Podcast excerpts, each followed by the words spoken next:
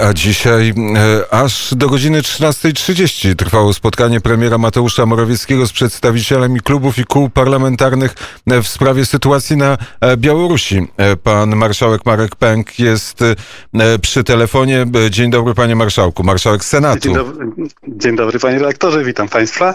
Spotkanie sądząc po tembrze pana głosu, spotkanie było, przebiegało w przyjacielskiej atmosferze. Tak, rzeczywiście. Kolejne dobre, długie, merytoryczne, takie spokojne mm, spotkanie. Ja się cieszę, że, że już po raz drugi przedstawiciele wszystkich y, sił y, parlamentarnych, które y, w tym momencie skupione są w parlamencie, rozmawiają na ten temat, bo to jest temat dla Polski strategiczny i to jest temat, który na pewno mm, powinien być przez całą klasę polityczną w Polsce tak postrzegany, że powinniśmy powinniśmy mówić y, co do y, takich najważniejszych y, założeń jednym wspólnym głosem i rzeczywiście jest dużo, dużo zgody, dużo, dużo takiego porozumienia w tych naszych rozmowach. Chociaż równolegle w Parlamencie Europejskim zacznie się zaraz debata, w którym Polska będzie porównana do Białorusi. To jak sobie radzimy z, taką, z takim po, po, poznawczym zamieszaniem? To może my żyjemy na Białorusi, według posłów opozycji, a nie Białorusini. Może jak to jest? Jak pan marszałek sobie radzi z takimi dwoma informacjami naraz płynącymi?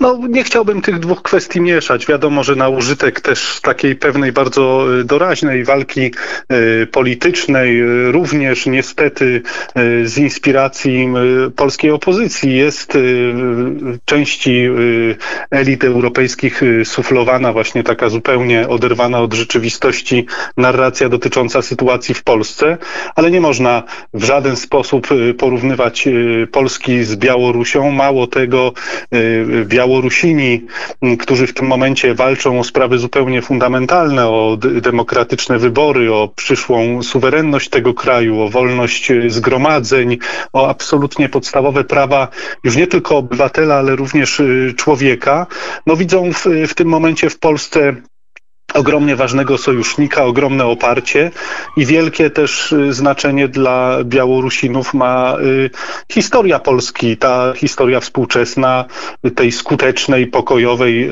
y, walki o wolność, o demokrację w Polsce, której symbolem jest Solidarność. Natomiast jeszcze wracając do samego spotkania, myślę, że tak, taka najważniejsza wspólna konkluzja, która no, myślę, że mogę powiedzieć, że została po raz kolejny wyrażona ponad podziałami jest taka, że y, to w interesie polskiej racji stanu, również i racji y, całej Europy jest istnienie suwerennej y, Białorusi i pomoc w tym, ażeby ten proces demokratyzacji tam postępował.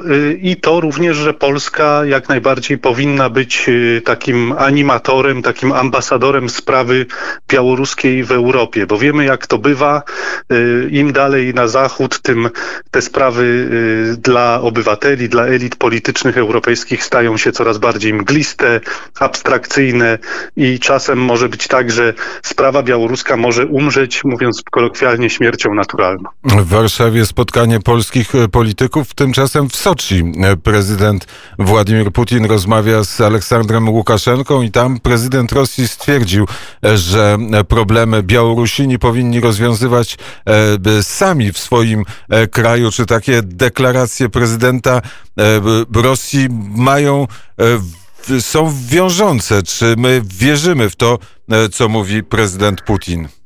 No oczywiście y, prezydent Putin prowadzi y, swoją y, politykę. Nie jest przecież dla nikogo tajemnicą, że Białoruś no, jest pod ogromnym wpływem politycznym, ekonomicznym, gospodarczym Rosji i Władimir Putin na pewno łatwo nie odpuści tego, tego ażeby cały czas ten protektorat nad Białorusią sprawować. To jest w ogóle też kolejny temat, na którym żeśmy debatowali, bo, bo jest cały czas kwestią otwartą, jak y, rozwinie się ta sytuacja na Białorusi. Mamy za sobą, można powiedzieć, taki pierwszy, najbardziej gwałtowny, pełen takich emocji y, obywatelskich etap tego protestu i widać wyraźnie, że no nie ma on takiego charakteru jak chociażby Majdan, więc teraz y, trzeba przygotować się na taką długofalową strategię pomocy na Białorusi. Z jednej strony te protesty na pewno Y, czy może, może nie na pewno, ale wygląda na to, że Łukaszenki w tym momencie wprost y, nie obalą jego reżimu. Natomiast z drugiej strony też trzeba powiedzieć, że nie ma powrotu już do tego, y, co było. Te, ta energia mm, społeczna, obywatelska, demokratyczna została niejako uruchomiona i teraz no, trzeba, trzeba wymyśleć właśnie taką strategię, ażeby ten proces demokratyzacji tak y, podtrzymać, y, prowadzić y, w, dobrym kierunku. No i tutaj na pewno Putin będzie robił wszystko, ażeby to udaremnić. Wcale też nie jest powiedziane, że Putin nie przyjmie jakiejś formy strategii, która by na przykład doprowadziła do obalenia e, Łukaszenki, ale w jego miejsce wprowadzenia jakiegoś innego polityka kontrolowanego przez Kreml. No, tym bardziej, że na Białorusi zaczęły się manewry, w których uczestniczą wojska rosyjskie, także legalnie te wojska rosyjskie e, i są obecne i coraz więcej tych żołnierzy rosyjskich wkracza na terytorium Białorusi. Tak, no tutaj, tutaj y, niestety nie mogę mówić y, z, o szczegółach, ponieważ akurat te aspekty związane z, z obronnością, z, z, działaniami służb y, operacyjnych, wywiadowczych są objęte tajnością.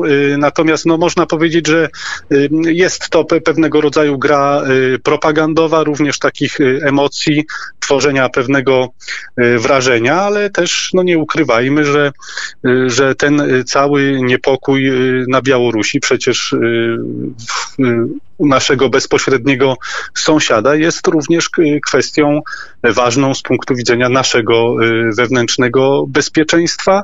Musimy wiedzieć, że dzisiejszy zglobalizowany świat no to jest y, świat takich naczyń połączonych i czasem możliwe są przecież zjawiska eskalacji pewnych konfliktów, więc jeszcze raz powtarzam, ta sprawa jest strategiczna e, nie tylko z punktu widzenia funkcjonowania samej Białorusi, e, tylko no, całego regionu Europy Środkowo-Wschodniej. A prezydent Rosji, prezydent Putin stwierdził, że wesprze Łukaszenkę, że da Białorusi półtora miliarda e, dolarów e, pożyczki, czy jakiś rodzaj, bo to też jest e, kwestia materialnego wsparcia. Było uroczyste otwarcie Domu Białoruskiego w Warszawie, bardzo ważna, symboliczna uroczystość, piękna willa na Saskiej, na Saskiej Kępie, ale coś czy dalej? Czy mamy ten następny krok, który możemy jako Polska uczynić? No tak, bo z jednej strony tutaj y, po raz kolejny na tym dzisiejszym spotkaniu y, usłyszeliśmy taką szczegółową relację z tego, jak y, jest wprowadzany w życie program rządowy Solidarni z Białorusią. I tutaj są przecież konkretne, wielomilionowe już kwoty przeznaczane zarówno na wsparcie osób represjonowanych, na, na pomoc medyczną, psychologiczną, prawną, na takie działania związane z projektowanymi funduszami stypendialnymi, y, ułatwienie nauki y, dla studentów z Białorusi i wiele, wiele jeszcze innych programów, wsparcie chociażby niezależnych mediów i dziennikarzy.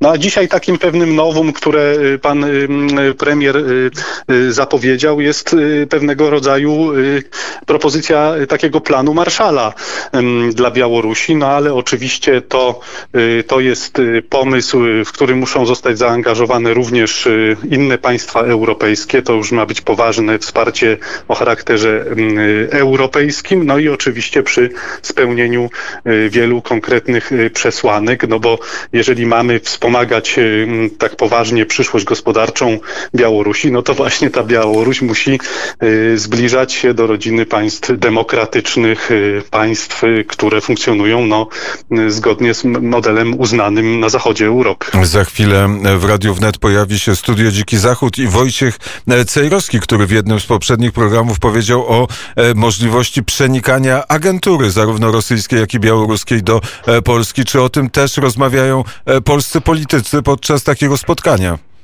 No nie ma, nie ma wątpliwości, że, że dzisiejsza sytuacja y, również y, generuje całą taką strategię y, czegoś, co bym na, nazwał działaniami hybrydowymi. Można powiedzieć, że Rosja jest specjalistką w tego typu działaniach. To obserwujemy przecież nie od dzisiaj, bo zarówno w tej całej polityce zagranicznej, w, w relacjach z, z Ukrainą jest wiele manipulacji, jest wiele y, różnego rodzaju y, wojny informacyjnej, więc na to wszystko my również jako rząd polski, jako polskie elity musimy być przygotowani. I tu jeszcze taki jeden chciałem przywołać aspekt naszych rozmów ważny i który musimy uruchomić, a to jest kwestia uruchomienia szerszego dyplomacji parlamentarnej.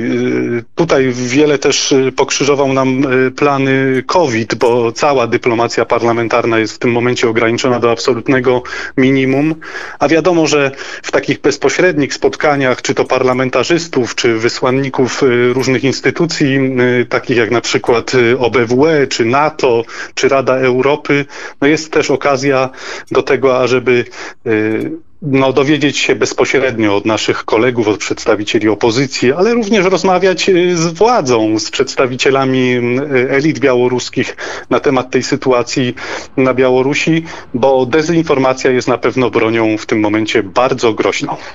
Bardzo serdecznie, panie marszałku, dziękuję za rozmowę.